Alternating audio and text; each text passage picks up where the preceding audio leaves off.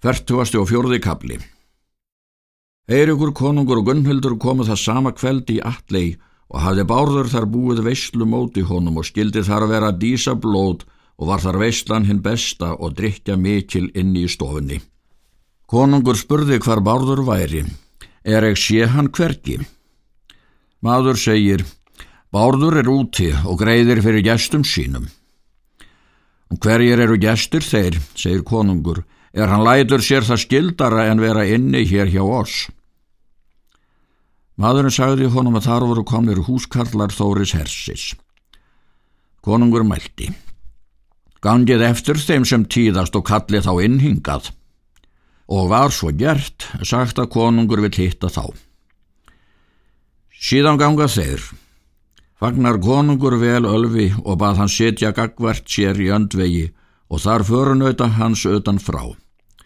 Þeir gerðu svo, satt Egil næstur alvi. Síðan var þeim borið öl að drekka.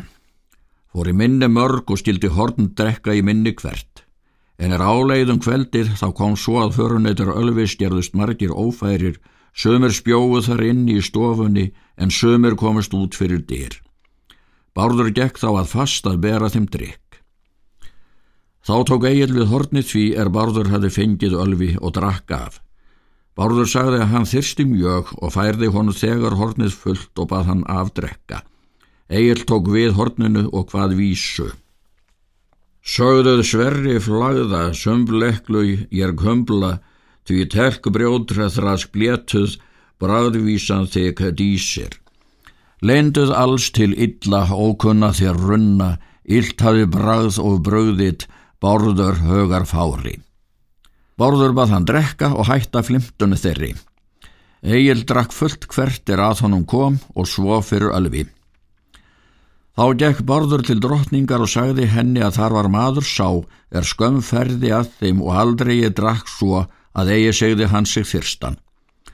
Drottning og Bárður blönduð þá drikkin ólifjanni og báruð þá inn. Syngdi Bárður fullið, fekk síðan ölseljunni og færði hún agli og bað hann drekka. Egil bráð þá knífis sínum og stakk í lofa sér. Hann tók við horninu og reisti á rúnir og reið á blóðinu. Hann hvað? Rístum rún á horni, rjóðum spjölli í dreira, þau velk orð til erna óðustýrs viðar róta. Drekkum veik sem viljum velglíðra þýja, vitum fyrir oss of eiri öl það spárarð syngdi. Hornir sprakk í söndur en drikkunum fór niður í hálm. Þó tók að líða að Ölvi, stóð þá eigin upp og leiti Ölvi ötar til dyrana og hjælt á sverði sínu.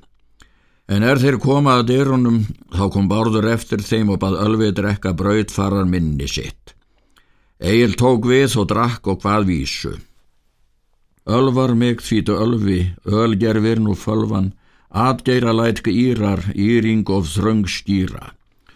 Öllungis kann dýlla, oddskýst fyrir þér nýsa, regna getur að regni regnbjóður ávars þegna.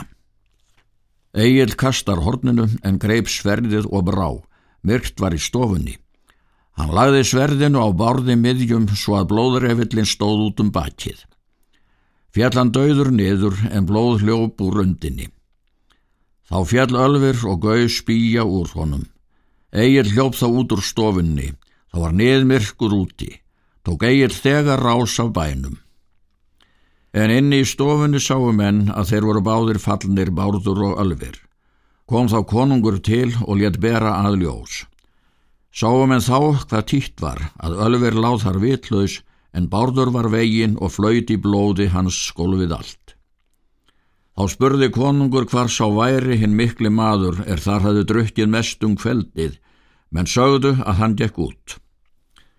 Leitið að honum, segir konungur, og látið hann koma til mín. Var hans nú leita farið um bæin og fannst hann hvergi. En er þeir komið í eldhúsið þá lágu þar margir menn ölvis. Konungsmenn spurðu ef þar hefði nokkuð eigilt komið. Þeir segja að hann hefði hlaupið þar inn og tekið vopn sín og gekk út eftir það. Þá var það sagt konungi. Konungur bað menn sína fara sem kvatast og taka skip öll stau er voru í eigunni. en á morgun er ljóstir, skulum við rannsaka alla eina og drepa þá mannin.